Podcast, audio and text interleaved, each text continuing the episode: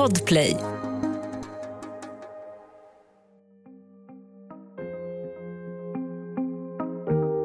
På 1980-talet händer något oväntat. Tonårskillar sitter hemma hos varandra och spelar spel istället för att vara ute på nätterna och dricka folköl i smyg. Det borde vara en drömsituation för varje föräldrageneration. Men när rollspel blir barnens favorithobby startar ett krig. Man blir asocial av spelen, kanske till och med satanist och mördare, skriker kritikerna. Och mitt i paniken, med en tärning i handen och ett monster i tanken, sitter Daniel Linder Krauklis. Det här är Jag var där, en dokumentär varje onsdag på Podplay av Andreas Utterström och Mattias Bergman.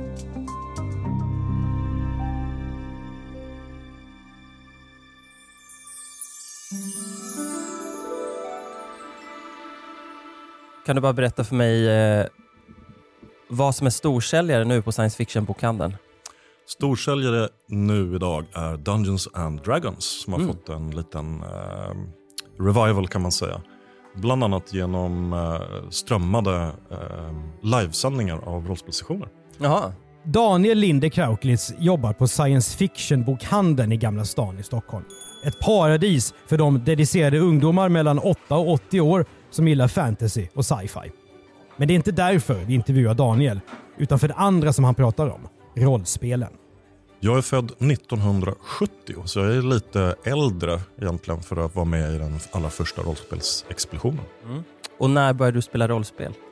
Jag började 1985 så jag är också lite lätt sen på bollen. Vi ska tillbaka i tiden till mitten av 80-talet. Till det som vissa kallat för DDR-Sverige. För jämfört med idag är landet ganska isolerat. Att resa utomlands är långt ifrån självklart. Den som vill se nya världar på tv eller film är hänvisad till Star Wars eller såpoperan Dallas. 1985, när Daniel är 15 år, är Sverige alltså något helt annat än idag. Det märks också på hur han ser ut på den tiden. Handdukstuperat hår, eh, hästsvans, eh, svarta kläder, riktigt farliga.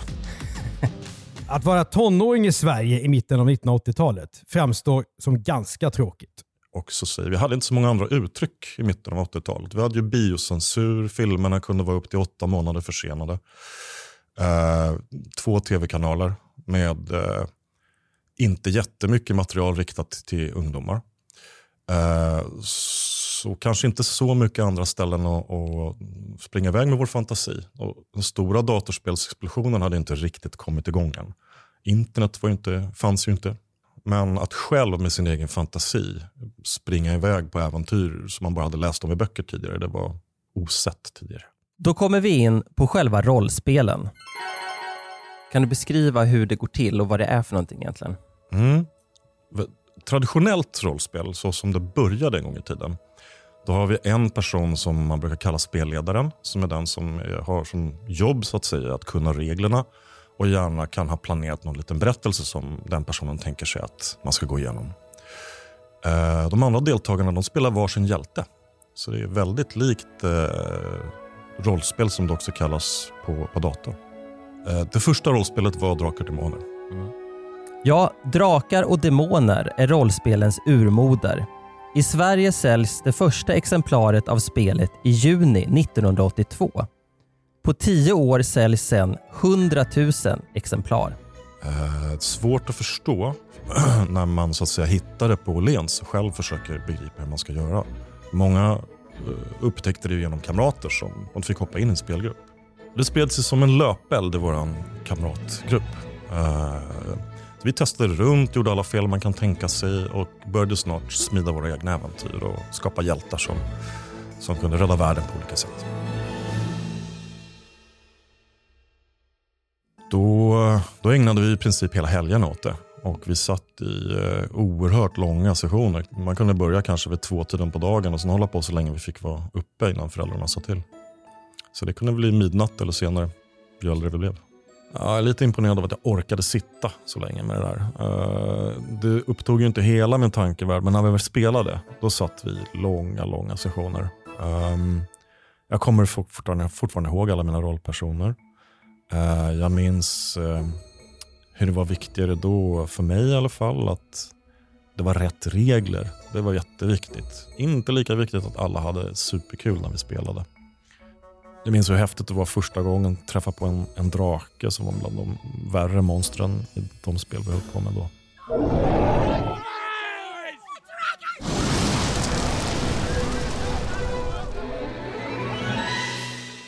Framförallt så hade vi väldigt kul. Bordsrollspelen bygger på ett mer eller mindre tjockt regelhäfte där intrigens olika vägar snitslas. Och så ingår coola tärningar, ofta med fler än sex sidor. Tänk en korsning av traditionellt sällskapsspel som Monopol och improvisationsteater. Allt var i huvudet. Du sitter med tärningar därför att slumpen hjälper dig att få lite mer objektivt resultat. Så inte den som spelleder bara bestämmer handlingen utan det kan hända oväntade saker som överraskar alla. Eh, så vi var liksom ett gäng tonåringar där i nian och på gränsen till gymnasiet som tyckte det här var superhäftigt. Och eh, fick hitta på, ja, mer eller mindre lära oss läsa och skriva mycket på ett mer avancerat sätt än vi hade gjort tidigare. Läsa mycket engelska, börja ta in populärkultur och hitta på egna handlingar. Det, fin det finns en lockelse i mekaniken, alltså själva reglerna, att bli bättre. Utveckla en, en liten individ. Det är samma sak vi ser egentligen i, i spel som finns på Facebook eller har funnits på Facebook och, och andra stora datorspel. Att du, du odlar en liten gård eller du, eh, som i The Sims, att du har en liten familj som du följer. De kan, bli, de kan växa och utvecklas på olika sätt. Det är kul. Eh, det är jättekul att slåss mot monster, samla skatter. Eh, så att eh, få vara, svinga sitt grymma barbarsvärd, det var häftigt.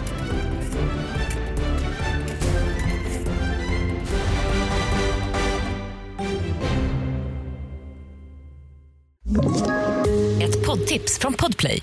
I podden Något Kaiko garanterar östgötarna Brutti och jag, Davva, dig en stor dos skratt. Där följer jag pladask för köttätandet igen. Man är lite som en jävla vampyr. Man har fått lite blodsmak och då måste man ha mer. Udda spaningar, fängslande anekdoter och en och annan arg rant. Jag måste ha mitt kaffe på morgonen för annars är jag ingen trevlig människa. Då är du ingen trevlig människa, punkt. Något Kaiko, hör du på Podplay. Därför är gardinerna. Det är nästan bara killar som spelar rollspel. De är inte särskilt heta på skolgården. Men roligt har de. Det var väldigt få tjejer som spelade. Eh, när jag började på eh, mitten av 80-talet så, så, såg man aldrig några, några tjejer på de här spelkonventen till exempel, som vi träffades och, och spelade ihop. Det började komma in lite fler kvinnor eh, på tidigt 90-tal. Framförallt det amerikanska rollspelet Vampire, där man spelar en vampyr. Det, var, det är lite tufft att vara vampyr. Och, och ehm, av någon anledning lockade det in fler tjejer än tidigare, så vi fick lite av en explosion.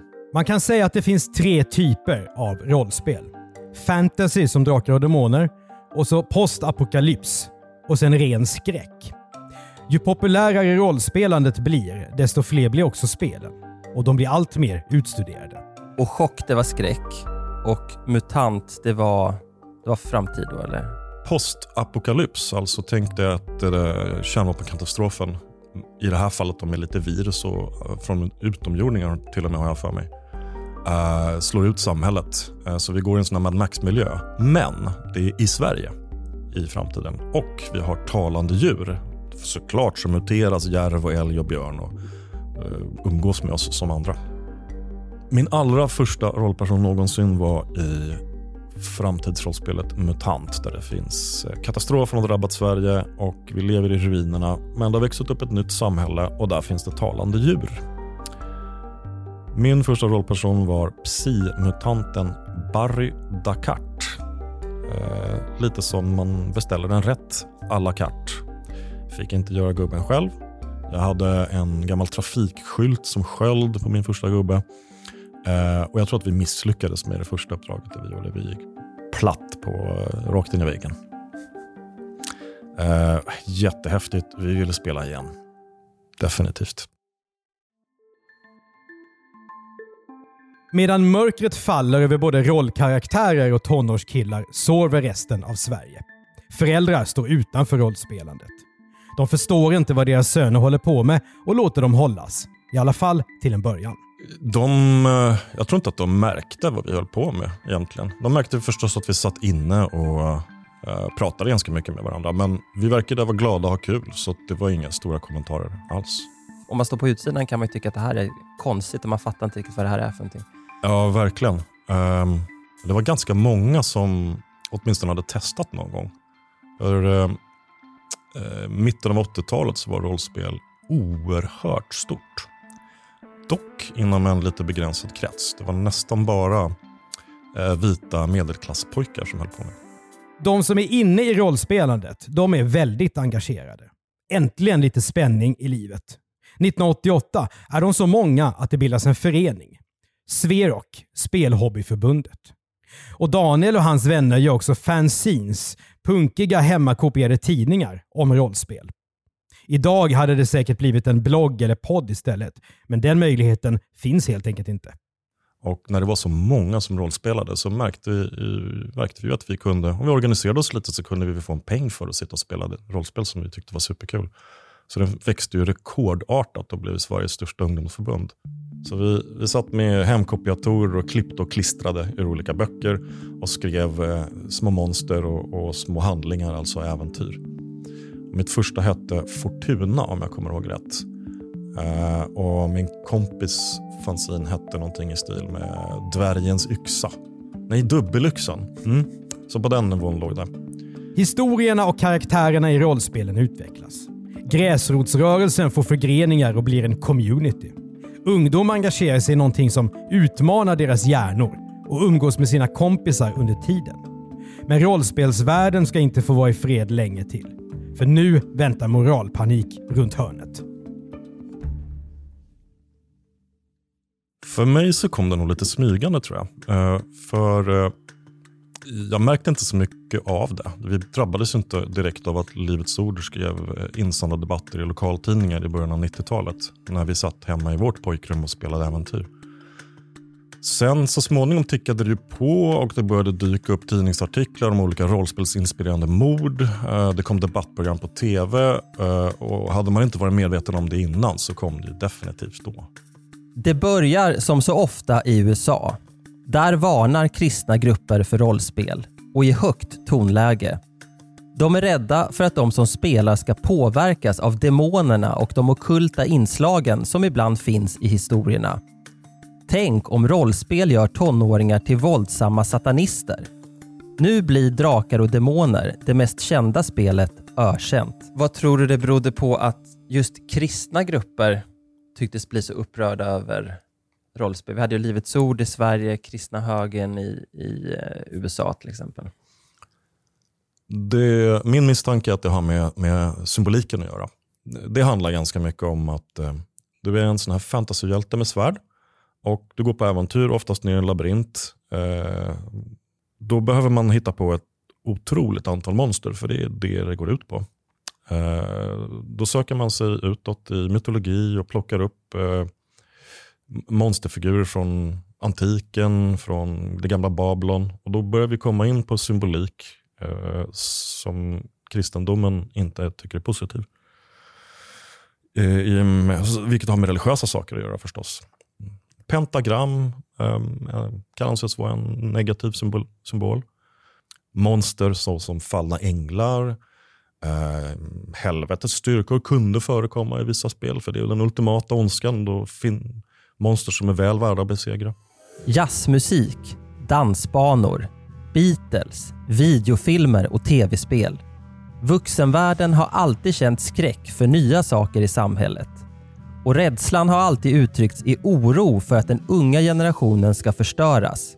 Nu är det rollspelens tur. För mig var nog den stora ögonöppnaren när Kult kom ut. Och Förlaget som gav ut svenska rollspelet Kult hade ju spelkongresser där ungdomarna kunde träffas och köra massa spel och prata med varandra.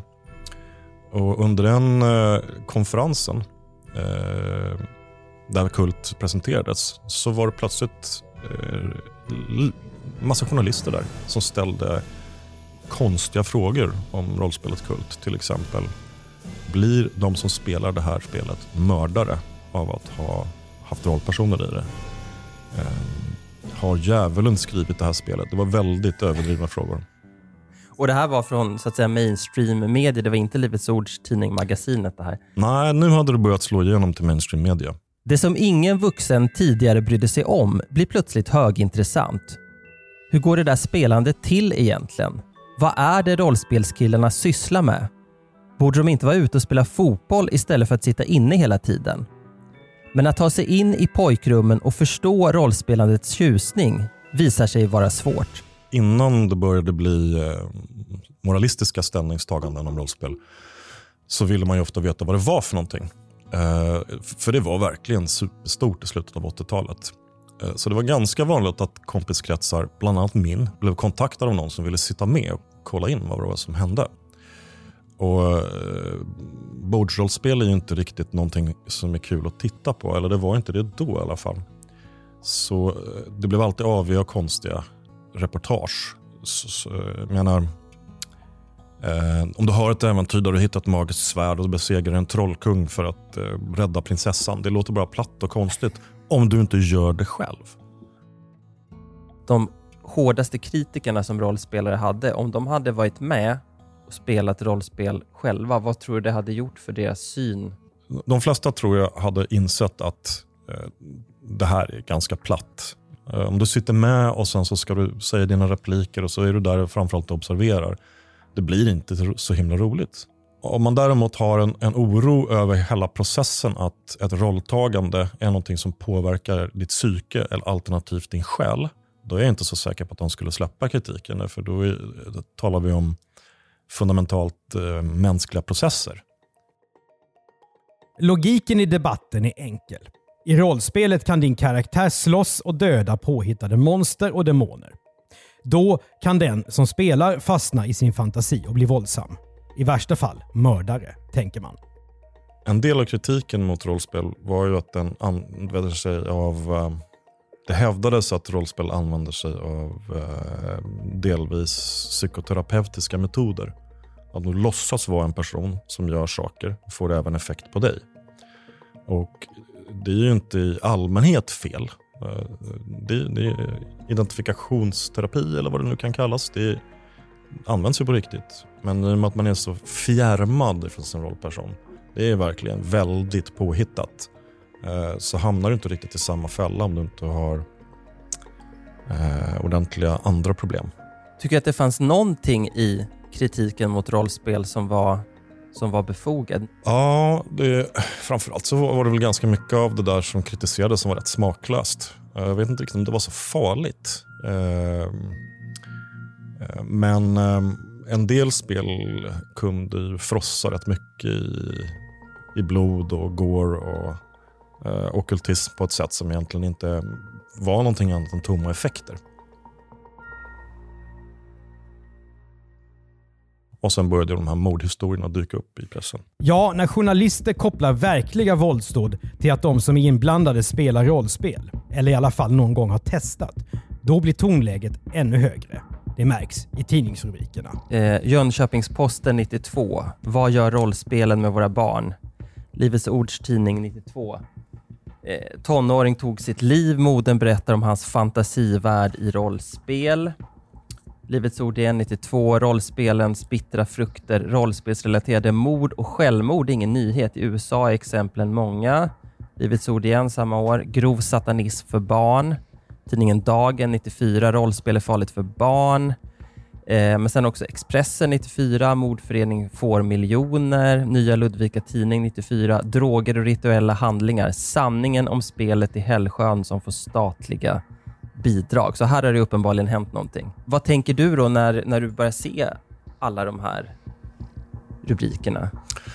Under lång tid så är det ganska löjligt. Eh, det går inte att ta på allvar. Eh, men jag märker att eh, spelkonstruktörer och utgivare så där blir lite oroliga. Det tar man ju intryck av eftersom som ett fan av en hobby följer du med alla aspekter av den. Och om de som ger ut dina rollspel tycker någonting känns lite alarmerande så tar du in det också.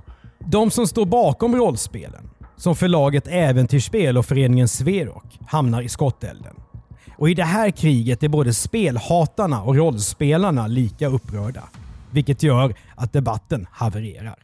Vi blev anfallna helt grundlöst av, av eh, med argument som inte gick, riktigt gick att, att bemöta. Man kunde bara säga att Nej, men det är kul.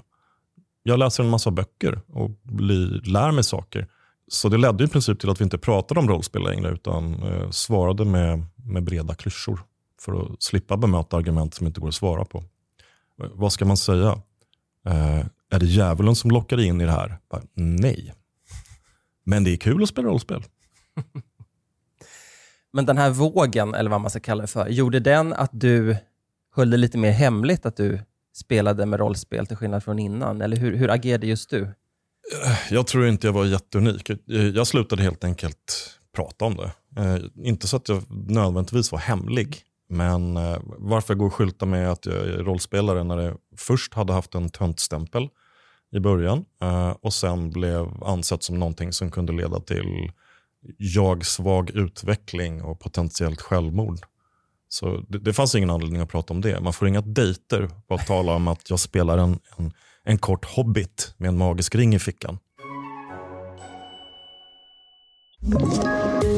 Poddtips från Podplay. I podden Något Kaiko garanterar östgötarna Brutti och jag, Davva, dig en stor dos skratt. Där följer jag pladask för köttätandet igen. Man är lite som en jävla vampyr. Man har fått lite blodsmak och då måste man ha mer.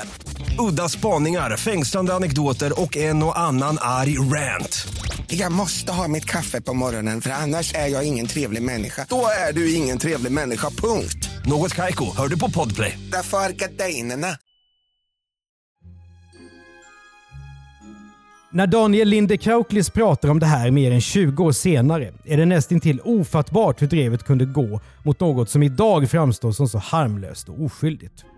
Forskningen om hur rollspel påverkar spelaren är milt uttryckt tunn. Precis som det brukar vara. Det känns ju lite som att vi, vi satt i någon slags cykel eh, där moralpaniken aldrig egentligen la sig utan hittade nya mål och ständigt riktat mot ungdomar. Eh, på 70-talet så ansågs ju serietidningar vara skadliga eh, och leda till, till konstig inställning till våld. Um, på 80-talet så hade vi videovåldet, uh, ganska mycket musik som ansågs vara skadlig. På 90-talet kom rollspelen. 2000-talet så började det glida över till datorspelsvåld och det har ju sen kommit tillbaka uh, långt senare. Har ju haft en vända till med hur farligt uh, datorspelande är. Man kan inte bara slå bort allt det här. Med alla de här kulturyttringarna finns det ju sidor som ja, i, kan vara smaklösa. Eh, direkt farliga, det blir en annan debatt. Precis som all annan moralpanik bygger känslorna kring rollspelen på okunskap. De vuxna som förfasar sig har helt enkelt ingen koll. Men att det märkliga intresset fångar deras barn långt in på nätterna det verkar räcka som argument. Min hobbyteori är att, att ähm, nya okända ungdomsuttryck äh, blir man orolig för som förälder. Jag har själv en liten sexåring då som är lite för ung för det. Men när hon ibland får titta på YouTube så kan det hända att hon glider in i klipp från TikTok och annat som ligger där. Och Jag har inte järnkoll på exakt vad det är hon tittar på. Och Det är klart att någonstans i bakhuvudet så tänker jag att hon inte vill att hon ska se nazistiska filmer eller eh, eh, någon slarvigt filmat mord någonstans från en annan del av världen. Eh, jag har inte moralpanik över det, men jag kan förstå den känslan. Jag tror att det låg en del sånt bakom. Hela Daniels tid som ung vuxen rasar debatten. Inte ens i mitten av 90-talet, när svenskarna börjar få internet hemma, är det över. Men då är Daniel 25 år och spelar inte rollspel längre. Nej, då har jag upptäckt teater. Så då uh, sitter jag i svarta rum och övar på Hamlet-monologer. 1997 skriver Diddy Örnstedt och Björn Sjöstedt boken De övergivnas armé. En stridsskrift mot rollspelen. Så här står det på baksidestexten. Rollspelen förmedlar idéer om avancerat våld och tortyr, sadistiska terror och avrättningsmetoder och sprider rasism och kvinnoförakt. Läste du boken? Jag förekommer till och med boken, så ja. Mm. Vad tänker du om innehållet i boken? Eh, hur grund, alltså de har forskat men verkligen inte läst. De har ju hittat mycket källor och uttryck och citat på alla möjliga olika ställen i, i, i ganska små tryck. Men argumentationen är helt vansinnig. Den slog så vilt att eh, man visst, visste inte om man skulle skratta eller gråta egentligen. Omöjligt att bemöta argumenten om att när ni växer upp kommer det bli en paramilitär styrka som kommer göra revolution och ta över styret i Sverige. Den ledde till att personer som var engagerade i bland annat bordsrollspel och i, i live, levande rollspel, blev väldigt eh, militanta försvarare av de här uttrycken. Så det ledde till liksom en slags eh, parallelldebatt på olika forum, eh, i lokaltidningar där de två olika sidorna slogs mot varandra utan att omvärlden brydde sig så mycket, är mitt intryck. Åren går, men rollspel fortsätter att lyftas fram som orsak till grova brott. Så sent som 2003 kopplas ett uppmärksammat styckmord till offrets intresse för rollspel. Marcus sista roll, Vampyr, ropar en löpsedel. Magreaktionen var väl förstås att uh, först um, att nu börjar det igen och har de inte lagt av än. Uh, men som jag minns det så var det ganska många artiklar och uh, hyfsat researchade nu. Det var inte lika mycket um, lätta puckar att slå på, på rollspel. Uh, jag tror nog att jag tyckte att det fanns lite mer anledning och kanske inte direkt vara orolig men bry sig lite mer om den här kritiken. Även om jag fortfarande blev upprörd ibland. Om det är en kamratgäng som väldigt intensivt har spelat några av de mer extrema rollspelen och sen går ut och begår ett brott. Ja, det är inte omöjligt. Det går i långa vågor med rollspelen. När spelandet under 90-talet flyttar ut i naturen med lajvare som spelar roller istället för att sitta hemma med tärningar, då kommer debatten in i en andra våg. Trots att det lajvan håller på med mest påminner om avancerad improvisationsteater. Men en del av oss hade ju varit med tidigare och sett den förra vågen av moralpanik så vi visste ju ungefär hur det gick till. Och den här gången så upplever jag att vi tog det mycket lugnare. Kunde skratta mer åt kritiken istället för att känna oss utsatta och faktiskt lyssna lite på den. Några spel som jag själv var med och satte upp, så, och det, vi var inte ensamma om det, så hade vi hur ska man kalla det, små, små brasklappar om att eh, det här är inte på riktigt och eh, vi, det är viktigt för oss att alla stannar kvar efter spelet så vi kan sitta en timme och prata om upplevelser tillsammans och liksom rolla ur. Som en direkt följd av att det kom kritik om eh, eh om psykodrama. Att vi, blir liksom, vi lockade in oss själva i, i våldsamma och konstiga roller och inte kunde komma loss ur dem. Men som med all moralpanik flyttar skräcken så småningom vidare till annat. När kände du att den här kritiken eller moralpaniken mot rollspel, oavsett om det var brädspel eller live, att den började ebba ut? Den började väl ge med sig någonstans under 00-talet eh, och byta fokus, skifta mot, mer mot eh, datorspel. Um, när internet tog igång på allvar så började det dyka upp andra fronter som, som kunde kännas mer alarmerande än att Eh, sätta upp en medeltida by i sagoform. Och så. Omvärderingen av rollspel kommer till slut. När IT-yran vid millennieskiftet föder en ny generation företagsledare kommer en av dem, Jonas Birgersson, just från rollspelsvärlden. Och Fredrik Malmberg på förlaget Äventyrsspel. Han startade datorspelsbolaget Paradox som blir ett miljardföretag. Idag ser vi gamla rollspelare lite överallt i samhället. 2015 kommer Daniel tillsammans med sin dåvarande fru Anna-Karin Linder ut med boken Finna dolda ting om rollspelens historia. Researcharbetet blir som att åka tidsmaskin tillbaka till tonåren. Det var läge att skriva lite om, uh, om rollspel. Det var väldigt stort på 80-talet och även i viss del 90-talet. Rollspel finns överallt idag. Uh, vi har, datorspelshobbyn är enormt stor och drar tydligen in mer kulor än vad Hollywood gör. Uh, formerna för rollspel, det här med att det finns en, du har en figur, gärna fantasy, måste inte vara det, som levlar eller blir bättre. Eh, du samlar poäng, du utvecklar din, din lilla gubbe. Det förekommer ju överallt. Det, det kändes som att det fanns en anledning att, att beskriva ungdomen. Um, häftigt att se allt material, häftigt hur engagerade människor var i, i en debatt om någonting som Ehm, de, framförallt när det gäller kritikerna kanske själva inte utövade särskilt mycket. Det är svårt att det fick så mycket spaltmeter, eller svårt att förstå. Uh, för den känns än idag ganska genomskinlig, även om inte jag visste så mycket om vad rollspel var. Och det är, det är mer etablerat idag, så det är inte det är lika konstigt kanske. Framförallt de religiösa aspekterna, det här med djävulen tar dig och att du dras in så djupt i rollen att du kan komma ur den. De, de känns rätt vilda som argument. Försvaren kunde ibland bli lika arga som eh, anfallen. Eh, det finns ju motdebattörer som har ägnat en stor, eh, stor del av sitt liv till att bemöta kritiken. Egentligen antar jag för att de blev så upprörda och tyckte att det var så fel. Eh, så jag får lite Don Quijote-vibbar från båda sidor. Mycket väderkvarnar som behöver besegras.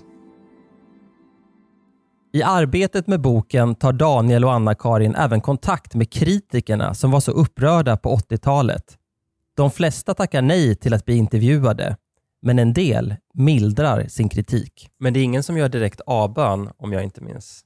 Nej, ingen, ingen gör direkt avbön. Det, det är korrekt. Det, eh, hur ska vi säga? Eh, intentionen var ju god, även om vi kanske missade lite på målet. Ungefär så skulle jag vilja hävda att de flesta känner idag.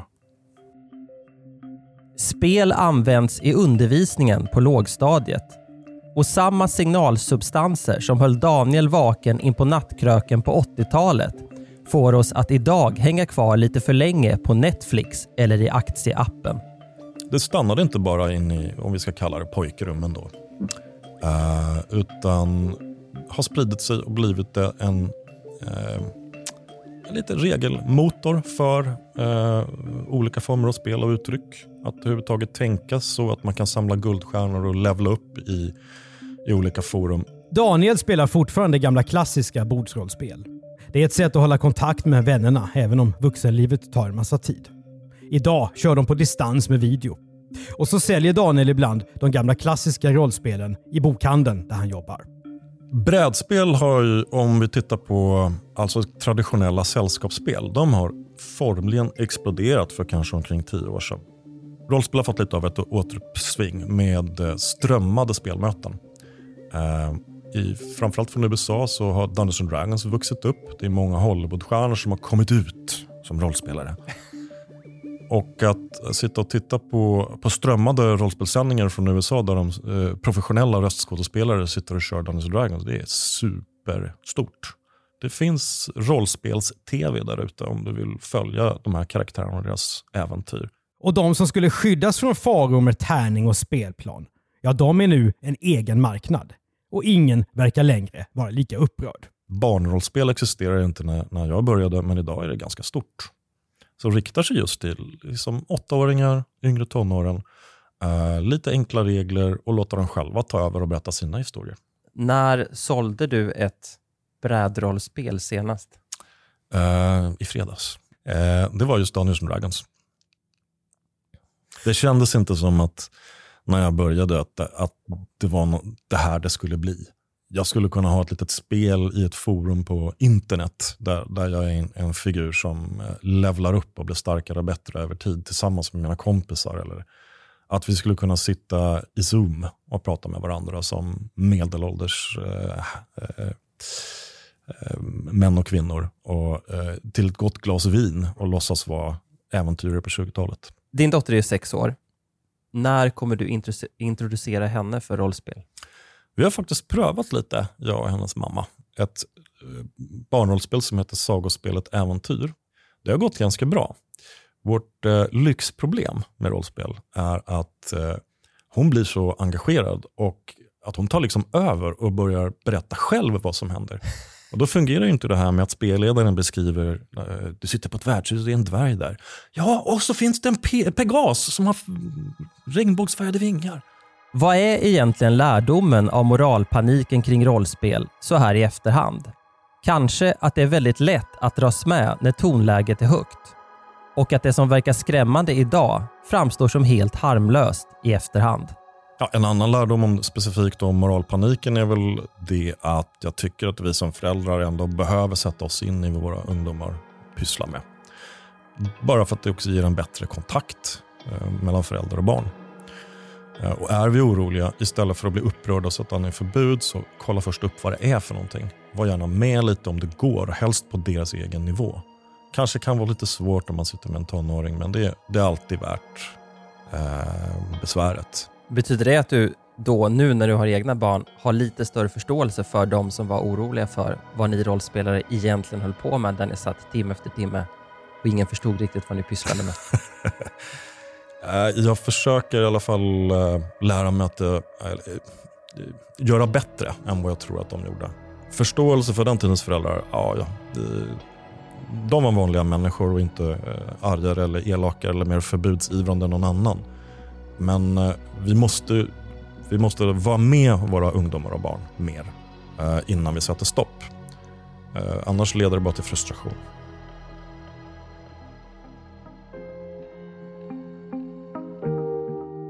Du har hört ett avsnitt av dokumentären Jag var där som görs av Mattias Bergman och Andreas Utterström.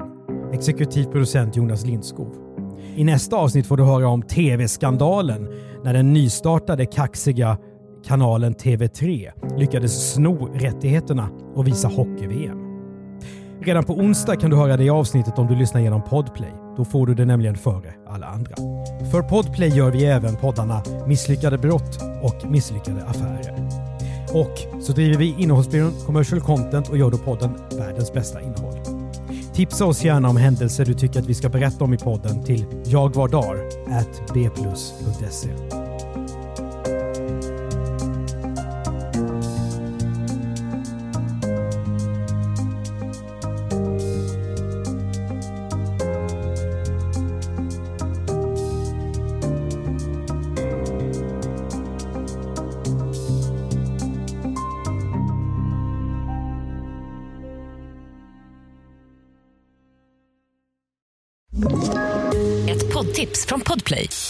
podden Något Kaiko garanterar östgötarna Brutti och jag, Davva, dig en stor dos skratt. Där följer jag pladask för köttätandet igen. Man är lite som en jävla vampyr. Man har fått lite blodsmak och då måste man ha mer. Udda spaningar, fängslande anekdoter och en och annan arg rant. Jag måste ha mitt kaffe på morgonen för annars är jag ingen trevlig människa. Då är du ingen trevlig människa, punkt. Något Kaiko, hör du på podplay. Därför är gardinerna.